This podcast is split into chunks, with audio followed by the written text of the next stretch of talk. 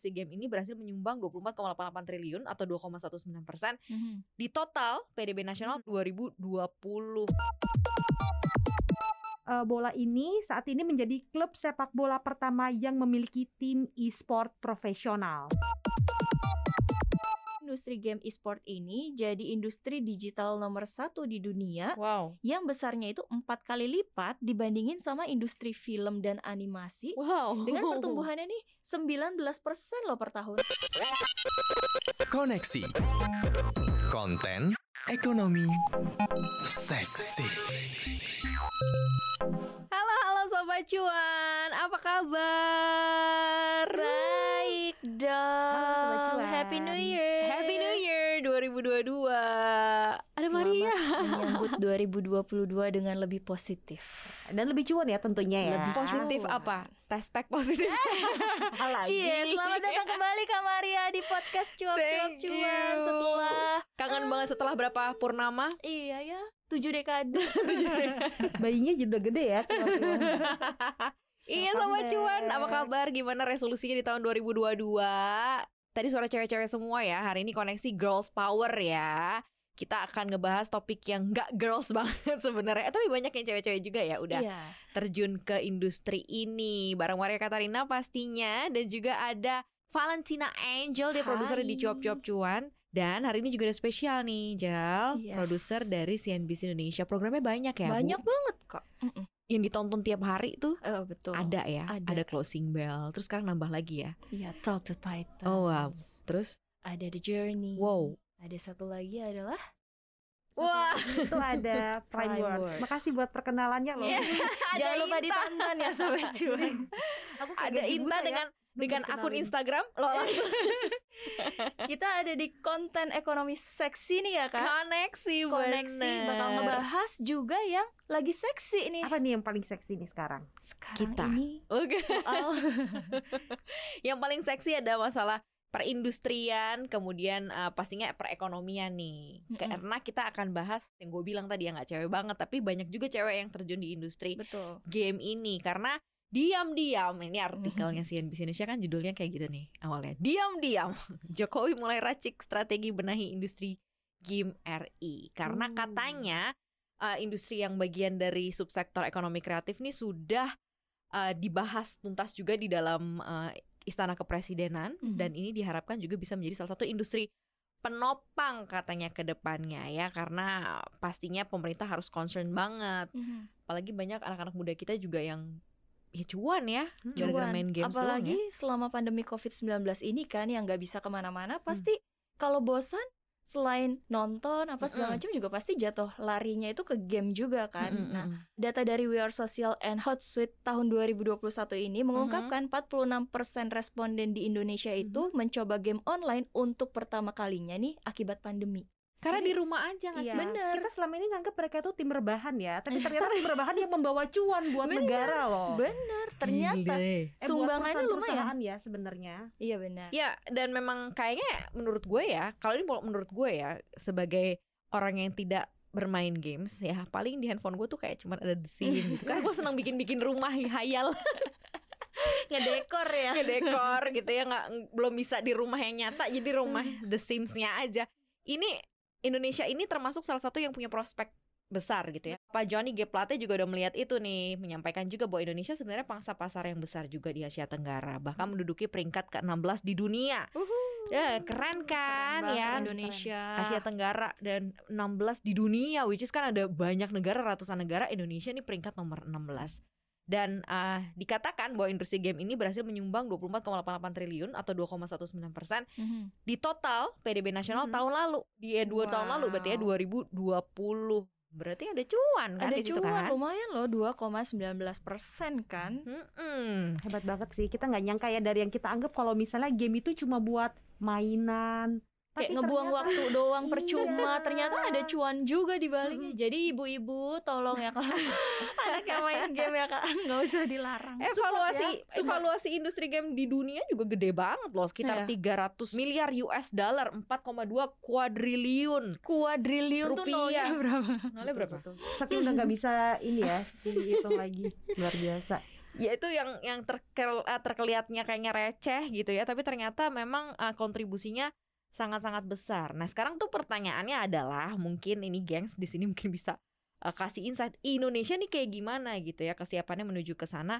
Plus kita tuh opportunity segede apa sih gitu kalau dilihat apakah games lokal kita emang udah cukup oke ataukah justru ju- emang selama ini kita cuma jadi lagi-lagi pasar.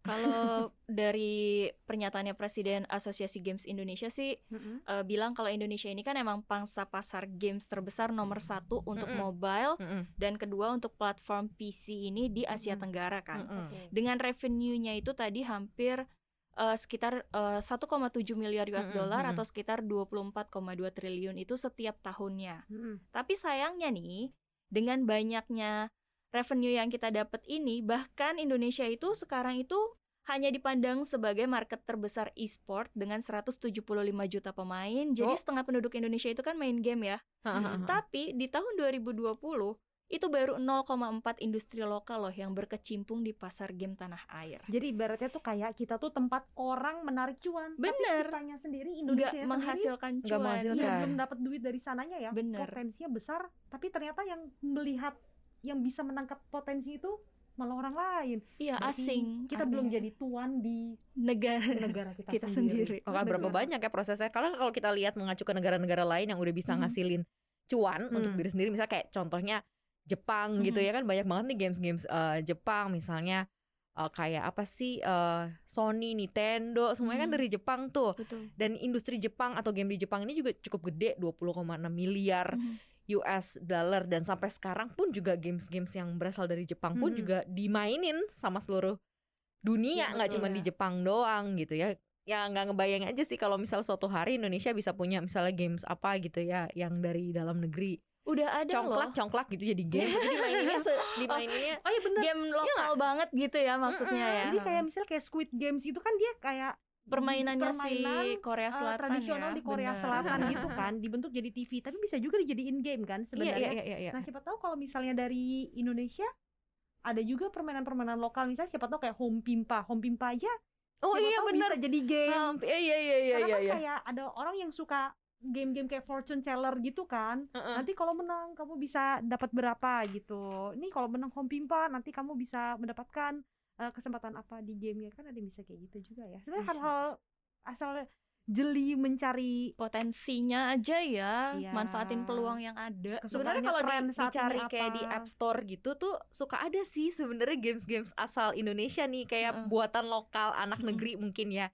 Cuman kan memang bintangnya masih belum Yes. gede, terus Mm-mm. kayak mungkin respon dari masyarakat mungkin masih terlalu eh, lama lah ininya atau mungkin terlalu kebanyakan iklan gak sih kadang-kadang suka games gitu. Ah, Iya benar, iya. terlalu banyak Atau ads-nya ya. Loadingnya juga lama namanya bugs itu kan. Bugs ya, ya, bugs, bugs oke. bikin mereka tuh kalau misalnya main itu kan pengennya yang Lancar, lancar, betul. Iya betul. Kalau misalnya loadingnya lama atau misalnya saking beratnya akhirnya dia mainnya jadi harus nunggu, itu kan juga bikin bosen ya akhirnya. Keganggu kan Iya, jadinya betul. mainnya. Atau mungkin butuh juga eh, connectivity, cek connectivity atau konektisitas eh, koneksi juga antara si games yang baru dibikin lokal ini dengan gamer-gamer kita yang memang udah bawa cuan banget buat dirinya sendiri juga gitu. Berapa banyak sih kak sebenarnya cuan Banyak dari game ini kalau misalnya kita bisa kasih tahu sobat cuan. Jadi kalau misal sobat cuan nih yang saat ini mungkin kerjaannya main games ya mungkin Hmm. Anda harus tahu bahwa banyak banget cuan yang bisa didapat. Misalnya nih uh, tercatat ada beberapa ya uh, yang udah uh, gak banyak dan gape banget dapetin duit miliaran nih misalnya seperti Uh. Nizar uh, Microboy Lugasio nih dia bahkan Caranya gimana tuh? uh-uh. dia bahkan Kita juga main game penasaran. kan? main game. Apalagi miliaran nih kan? Iya soalnya dia main EVOS katanya pemain EVOS uh, sebelumnya bermain untuk uh, Rigetron Red Alliance kemudian sekarang dia mendapat pendapatan terbesar uh, kurang lebih sekitar 1,6 miliar US dollar itu uh, di tahun lalu ya 117,825 US dollar atau 1,6 miliar. Oke. D- Lahirnya baru tanggal 19 eh, 19 Juni 2000 anak 2000 berarti 22 tahun. Iya. Wow. Itu Udah mungkin dapat satu miliar. Kalau eh, pemain game kayak gitu mungkin yang di asuransi ini ya mungkin ya mata sama jempolnya. Tangan, jari jemari kan. bener Matanya pegel kan. Terus Bener. juga tangannya itu aset paling berharganya dia Iya, kan. bener. Jari-jarinya ini harus diasuransiin tuh. Tapi emang bener loh, tujuh hobi yang bisa mendatangkan cuan di 2022 nih menurut? Detik nih, itu menulis, membuat kerajinan tangan, menggambar, dan ada bermain game loh di dalamnya itu. Jadi nggak salah kalau misalkan bisa mendatangkan cuan sampai satu miliar ya berarti satu ya. miliar. Dan itu baru si tadi si siapa tuh tadi tuh pemain uh, Microboy itu tadi ya. Microboy itu nama inisialnya ya Nizar ya. Oke. ada yang lebih gede lagi sebenarnya ada si Hansel. Hansel uh, ini bahkan bisa meraup sekitar Iya, siapa 2,3 miliar. Hanya dari main games ini Masih muda juga ya pasti masih ini. muda dia baru mulainya bahkan menggeluti e-sport uh, dan permainan games ini di 2016 sekarang Wah, 2020 Baru lima tahun. Siapa tahu nanti pendengar-pendengar eh, ini ya cuap-cuap cuan lainnya terinspirasi. Iya, sobat cuan boleh loh. Lima tahun ke depan nanti kalian nih. Iya. Sekarang langsung ini kan eh, ikut pelatihan. Atau Inta mau langsung jadi atlet e-sport? Abis, ya. abis Biasanya megang keyboard bikin berita. Iya, Kan bikin main naskah. game dong. Habis itu bisa kok langsung asuransiin mata sama jari Oh, jemari juga. bisa, bisa, bisa banget. tapi ini juga akhirnya menjadi profesi eh, masa depan yang dipandang cukup apa ya Menjanjikan. cukup menjanjikan sama Betul. anak-anak zaman sekarang gitu udah lagi nggak pengen jadi apa sih nanti ke depannya pengen jadi dokter pengen Mm-mm. jadi apa sih dulu insinyur atau pengen jadi apa enggak gitu sekarang udah bisa jadi gamers gamers yang merangkap jadi youtuber gitu Banyak loh itu Banyak, sekarang tuh banyak. yang akhirnya eh, atlet-atlet e-sport itu juga yang udah eh, pensiun gitu Mm-mm. ya. Akhirnya beralihnya ke YouTube juga. Di YouTube bermain game dapat cuan juga. Bener kayak dulu ya pionirnya si Reza Arab itu ya walaupun dia Bener. udah pensiun Udah ya pensiun Hmm. terus banding setir ke YouTube. Berikutnya ada Just No Just Limit, No Limit, juga ya kan. bener. Akhirnya ke YouTube juga. ya emang berarti memang ada cuan di situ dan kalau emang pemerintah Indonesia baik lagi nih memang concerns mau uh, mengembangkan industri ini akan banyak juga berarti pekerjaan pekerjaan gitu yang akan yang akan terbuka diserap. ya kan yang akan Mm-mm, diserap bener. gitu kan job-job baru mungkin untuk programming Betul. programmer atau Betul. beberapa sejenisnya gitu ya Ini juga kalau ngomongin soal eh, game tadi kan cuan itu yang melihat potensinya tuh ada dari perorangan. Mm-mm. Ternyata dari perusahaan juga nih yang di dalam negeri. Jadi tim riset NBC Indonesia ini pernah ngebahas soal emiten-emiten Wah, yang menarik nih. sudah siap untuk mm, menambah melantai pundi-pundinya dia lewat gaming. Nah, kita tahu nih kan yang emiten pengelola klub sepak bola Bali United, tahu kan? Bola Nah, betul. Mm-mm. Nah, dia itu selain sepak bola, bola juga melebarkan sayapnya ke segmen e-sport. Ini lewat anak usahanya. Jadi dia bikin anak usaha yang khusus ngurusin e-sport. Mm-mm. Karena e-sport ini ternyata eh, dia kan langsung ini ya, kayak mengumpulkan orang banyak bermain bersama. Iya. Terus ada Karena kan sponsor-sponsor. berkelompok gitu kan Mm-mm. biasanya kan. Ini kan satu kejuaraan yang besar nih ya. Dia udah ngelihat nih potensinya. Jadi eh, bola ini saat ini menjadi klub sepak bola pertama yang memiliki tim e-sport profesional. Uh. Nah, jadi tim Mhm, e-sport bola ini sudah aktif berkompetisi di dua game paling populer saat ini yaitu Free Fire dan FIFA. oh Udah sering juara nih ternyata. Jadi eh, tim e-sport bola berhasil menjadi juara di Free Fire Asia Invitational 2019, jawara Free Fire Master League season 3 grup C dan juara virtual Bundesliga Internasional Seri Asia Continental. Wow Udah internasional dan banyak gelar disabet juga. Artinya emang kita tuh punya potensi gitu ya. Tapi sayangnya kita ya itu hanya sebagai market, ya Mm-mm, kan? mm-mm. Betul. Harusnya kita bisa lebih mengembangkan. bahwa gitu. sebenarnya memang uh, potensi besar bisnis game ini ya memang harus dilihat ya dan untuk Hmm. khususnya uh, game developer atau yang mengembangkan game juga ini bisa dilihat gitu uh, bisnis yang bisa dikembangkan juga lebih lebih apa ya lebih dalam lagi lebih tinggi lagi karena ada poin-poin penting misalnya seperti uh, sumber daya manusia yang bisa lebih dikembangkan Hmm. kemudian juga industrinya uh, perusahaannya juga kemudian uh, meraup uh, iklan begitu ya pemasang-pemasang iklan ini juga termasuk uh, cara game developer dapat duit gitu. Artinya Mm-mm. adalah anak-anak muda sekarang kalau punya kreativitas kemudian dia bahkan bukan hanya jadi pemain game. Kalau tadi kan kita liatin dia yang kita liatin kepada para pemain game yang memang udah dapat cuan. Bikin gamenya juga sebenarnya bisa menghasilkan cuan dari banyak lini Bener. gitu. Apalagi kalau gamenya bisa sampai diminati di pasar lokal dan juga pasar global secara keseluruhan gitu. Tapi kalau misalnya ngelihat tadi ya baru 0,4 industri lokal Mhm. eh, di game ini ya, Mhm, apakah mhm. perlu menurut kalian ini eh, kayak India misalnya atau China gitu yang ngeban per- eh, game-game dari luar negeri gitu supaya dalam negerinya ini lebih bisa berkarya gitu. Tapi kelihatannya kalau misalnya eh, tadi nih developer-developer di dalam negeri itu sebenarnya ada banyak, Mhm. tapi kayak seleksi alam gitu yang akhirnya pada Mm-mm. bisa maju terus untuk ber mengembangkan sayapnya lebih besar tuh kayak ternyata cuma sedikit persaingannya ketat gitu ya. Mhm, Jadi mhm. Eh terganjal permodalan juga atau kayak gimana nih betul, sebenarnya nih? nah, aku juga kebayangnya kayak gitu tuh Kamaria. Kalau misalnya eh, untuk ngembangin perusahaan game itu kamu butuh eh, modal yang besar satu sam- investor ya kan kan kan Mm. kayak padat Mm. modal juga padat karya kan dan Mhm. kamu juga butuh orang-orang yang punya talenta eh, khusus di sini. Mhm. Nah, misalnya kita lihat nih kalau pemain-pemain besar yang ada di dunia tuh kayak Tencent, terus Hmm, misalnya kayak Sea Group lewat Saya yang grup ya. Garena. Garena, itu kan Mhm. mereka udah permodalannya besar. Maksudnya Mhm.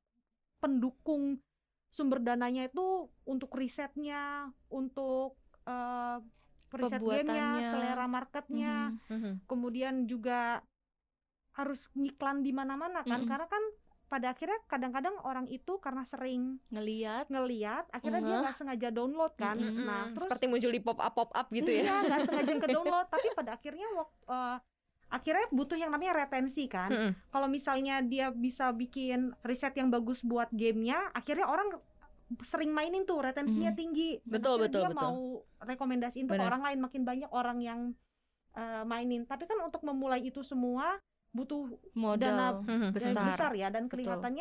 Eh, harus didukung oleh kalau di perusahaan itu ya dia harus bisa dap- du- dapat dukungan dana yang besar gitu investor yang Mhm. besar Berarti pemerintah harusnya kontribusinya segede apa nih Hmm. kalau menurut eh, ibu-ibu di sini ya? Lo semua gitu ya? Atau kalian-kalian ngelihat karena kita perlakukannya seperti apa nih? Startup kah gitu ya? Artinya Mhm. eh, ada pembiayaan mungkin dari angel investor dan Mhm. lain-lain Mm-mm. ataukah eh, pengayoman yang diberikan kepada UMKM misalnya gitu ya atau unit usaha yang karena kan bikin game sebenarnya mungkin timnya nggak usah gede kali ya mungkin bisa dua tiga orang di mas Mm-mm. eh, di dibikin gitu ya kemudian nge- nge-build up games Ah, harusnya seperti apa nih eh, negara memperlakukannya gitu untuk para individuals atau game developer yang memang menarik eh, yang memang tertarik gitu mengembangkan games di Indonesia nuansa lokal gitu yang bisa laku sampai mancanegara. oh, berarti harus kasih pelatihan ya pelatihannya Mm-mm, juga yang pelatihan. bagus Mhm. kalau bisa kayak ada pusatnya gitu kan jadi kalau misalnya hmm, kita mau jadi entrepreneur misalnya ada pusat untuk eh, pelatihan bisnis nah ini Mhm, ada pusat mhm. untuk pelatihan eh, bikin game gitu nggak Iya, sih iya, iya, Jadi Sebenarnya benar, kan kalau game-game lokal sendiri buatan anak bangsa itu kan udah banyak banget ya kan Banyak, anak-anak banyak. bangsa yang udah bikin game-game lokal bahkan kayak Mm-mm. congklak aja udah ada gamenya apa Mm-mm. udah ada gamenya gitu kan cuma masalahnya adalah ya tadi yang Inta bilang terbatas kendala oleh pemasarannya dia ini yang akhirnya Mm-mm. tidak dikenal tidak dilihat oleh Mhm, banyak mhm, orang gitu nah mhm. mungkin di sini peran pemerintah yaitu mungkin bisa ngejaring eh, para pembuat game-game yang sudah sudah ada ini gitu Mhm. kemudian dilatih lagi untuk lebih dikembangkan mungkin teknologi apa yang bisa di dikasih gitu ya ke mereka eh, Mhm, yang mhm. bisa sesuai dengan standar internasional gitu benar, kan benar, benar. kayak gitu-gitu gak sih ya kan dikumpulin dulu nih udah ada udah ada bakatnya tinggal dikasih wadah dikasih sarananya prasarananya mungkin bisa kali ya kita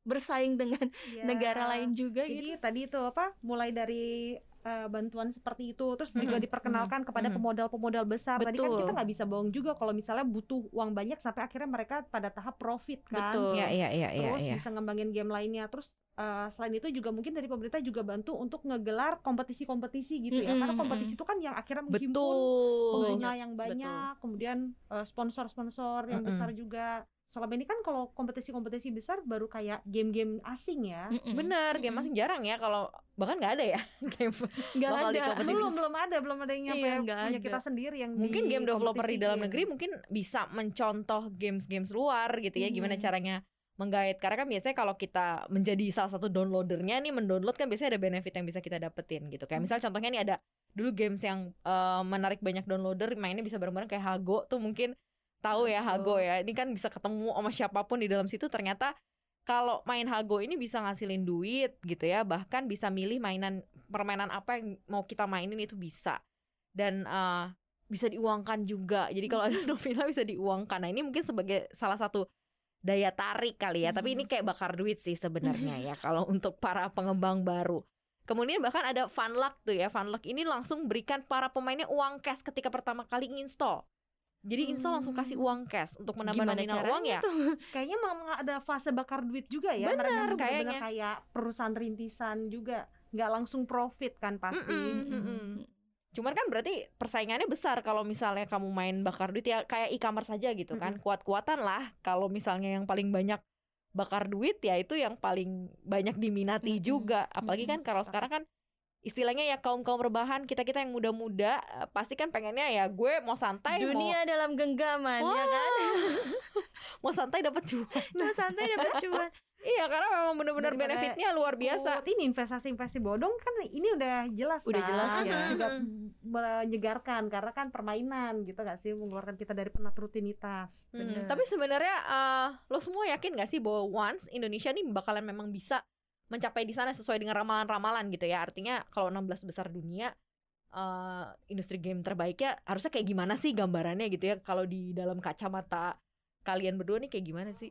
Harusnya sih bisa ya aku. Harusnya bisa. Oh, oh, bisa banget. Buktinya tuh banyak kok orang-orang Indonesia yang di luar itu juga justru Justru kayak jadi tulang punggung si games itu nggak Iya. nyangka ternyata orang Indonesia Mm-mm. ya. Di baliknya itu justru banyak orang-orang Indonesia kan. Cuma karena di sini tidak ada balik lagi.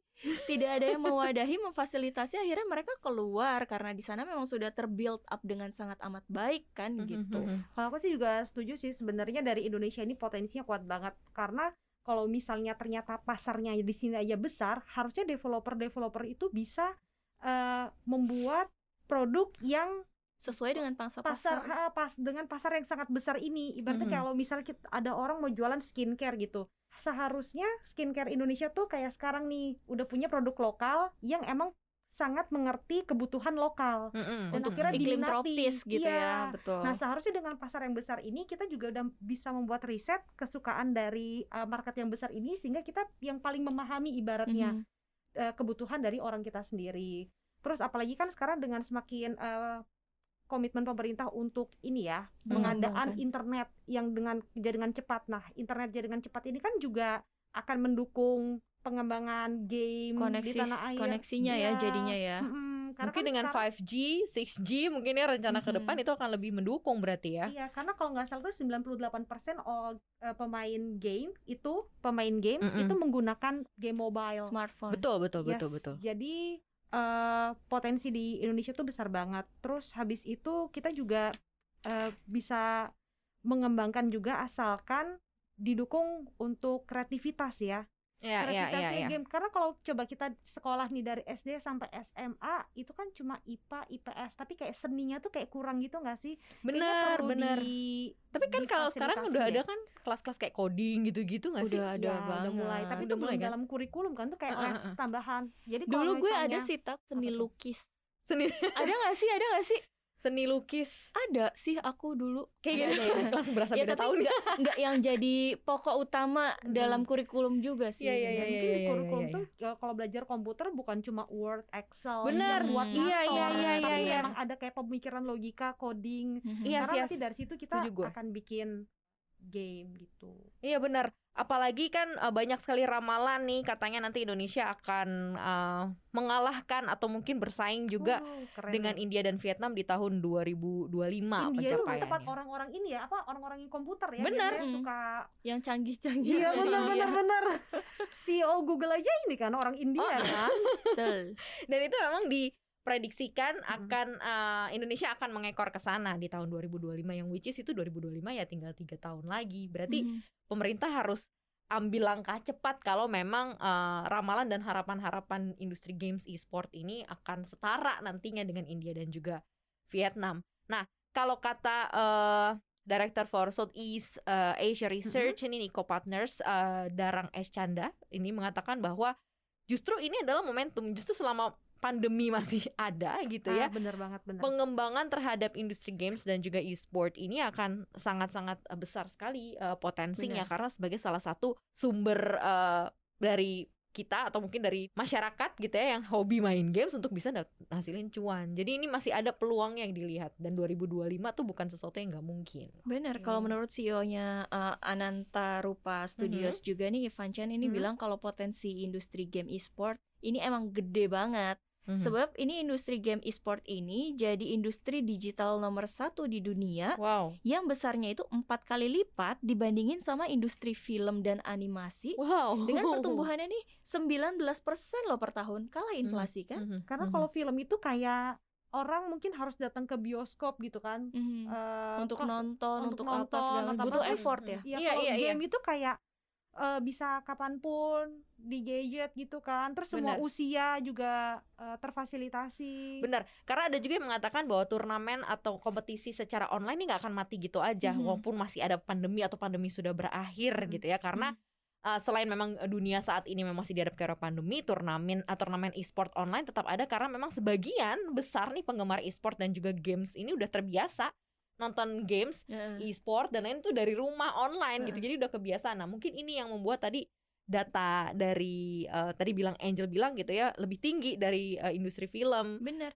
Karena kan kalau misalnya gini, kalau Mhm. misalnya kita nonton film it, eh, ya banyak sekarang ya eh, film-film yang bisa kita tonton secara online juga dan platformnya juga udah banyak gitu ya. Mm-mm. Tapi tidak bisa menyatukan. Kita iya. nonton film tetap masing-masing gak sih? Bener. Sementara bener. kalau main game, Walaupun ada ininya chatnya sih. ya walaupun ada jatuh tapi Iya, kan iya, tetap ya bener. kalau game tuh kita bisa kayak eh hati-hati Ngobrol nih, ya. ngobrol kan Ngobrol, ha, sambil main. Jadi meskipun yang satu di mana, yang satu di mana itu masih bisa saling terkoneksi gitu gak sih? Terus Mm-mm, juga kalau film itu kayaknya untuk ke digital ke aplikasi di mobile tuh kayak masih masa transisi gitu loh. Mhm. Jadi masih kebanyakan belum belum hadir di platform. belum ramah platform Ya. uh, mobile gitu ya. Uh, Mereka kalau misalnya ada tayangan-tayangan premier tuh masih pengennya di bioskop Mhm. dulu, masih pengennya di dibandingkan dengan streaming gitu. Jadi kita berharap nih ya kalau misalnya ini kan ada game yang paling sering diunduh nih Iya. oleh masyarakat Indonesia. Apa aja paling tuh? tinggi tuh ada Free Fire nih. Oh, iya. ya. Free Fire. Free PUBG, Fire. Mobile Iya, Legend. Kualitas grafisnya tuh nggak inilah ya, nggak nggak Nggak- bagus. Nggak nggak usah ditanyakan lagi ya. Ya, sangat memikat Mhm, nih. mhm. Terus ada Higgs Domino Island. Ini adalah permainan-permainan keberuntungan. Hmm. Game-game yang disuguhkan tuh seperti game kartu, dadu, lotre. Terus nih, Mobile Legends. Siapa nih di sini yang eh, setiap cowok-cowok tuh kayaknya sukanya mabar ya, mojok bareng. Mojok bareng, Main mabar, bareng.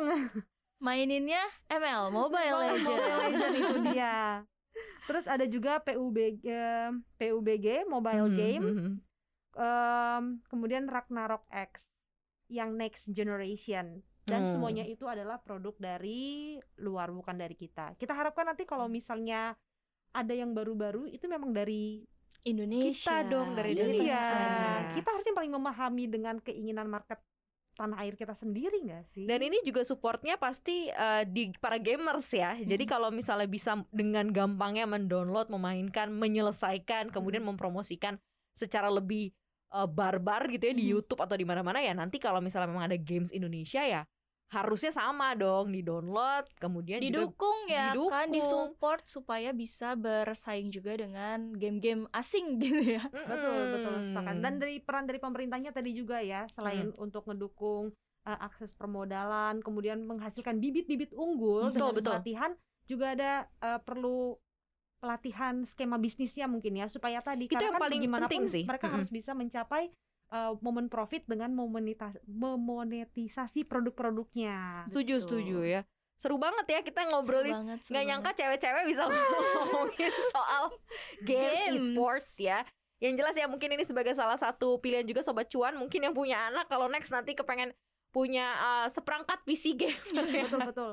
dan itu nggak ya. murah loh ternyata jadi nggak heran kalau cuan yang dihasilkan juga berlimpah gitu Iya karena harga modal- harga beli alatnya aja udah mahal Tapi tahu banget. nggak sih kalau di Cina itu, jadi ternyata salah satu peran pemerintah itu selain mendukung industri gamenya, tapi juga eh, memikirkan kondisi anak-anaknya kan. Memang kalau misalnya main game itu kan khawatir kecanduan lah kecanduan, Iya, iya, iya. ya, sakit heeh. eh, matanya matanya, lah. ganggu belajar untuk hal lain. Mm-mm. Tapi kalau misalnya di Cina itu eh, mereka sempat memberikan aturan pemerintahnya kalau misalnya anak-anak tuh cuma boleh main game satu hari satu setengah jam dan sekarang bahkan Dan itu peraturan, Peraturan. pemerintah ya. dan sekarang bahkan lebih dipersingkat jadi satu hari satu jam aja tapi ya itu memang win-win solution ya tugasnya pemerintah tuh di situ di satu sisi memang ini bikin cuan tapi di satu sisi juga tetap memperhatikan tumbuh kembang anak Benar. Iya.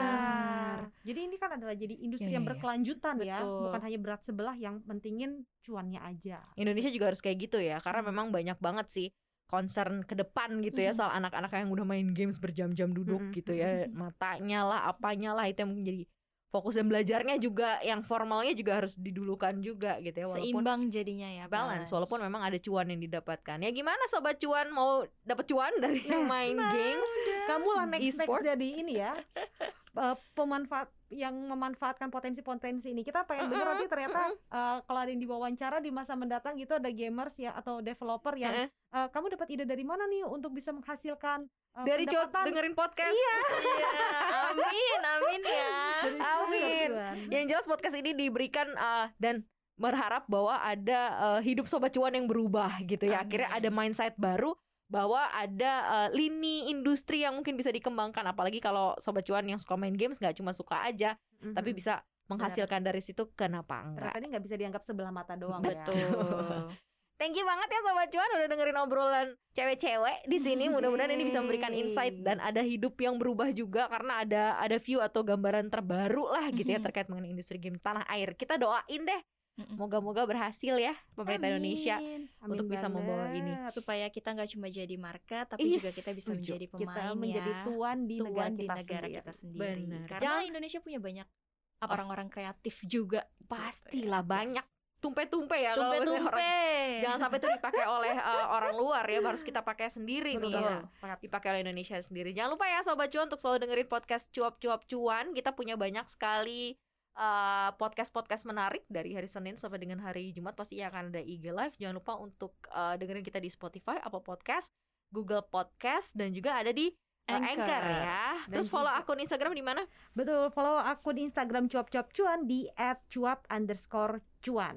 Satu lagi Satu ada lagi ini kita juga subscribe YouTube channel kita di cuap-cuap cuan. Jangan lupa nih ya, di komen, di Nah, like, ah, terus di di share. share, subscribe juga jangan lupa Oh, supaya bikin kita semakin semangat untuk bikin konten-konten menarik dan lebih seru lainnya. Kalau perlu ini ya pasal notif notifikasi. Notifikasinya dilalahin loncengnya. loncengnya Jadi karena banyak upload- penonton kita nggak subscribe ya jadi tolong subscribe dong please ya dan juga follow akun Instagram kita tadi thank you banget sobat cuan terima kasih banyak Maria Katarina pamit dan juga Inta. Angel juga pamit. Sampai ketemu lagi di konten-konten menarik kita lainnya. Bye.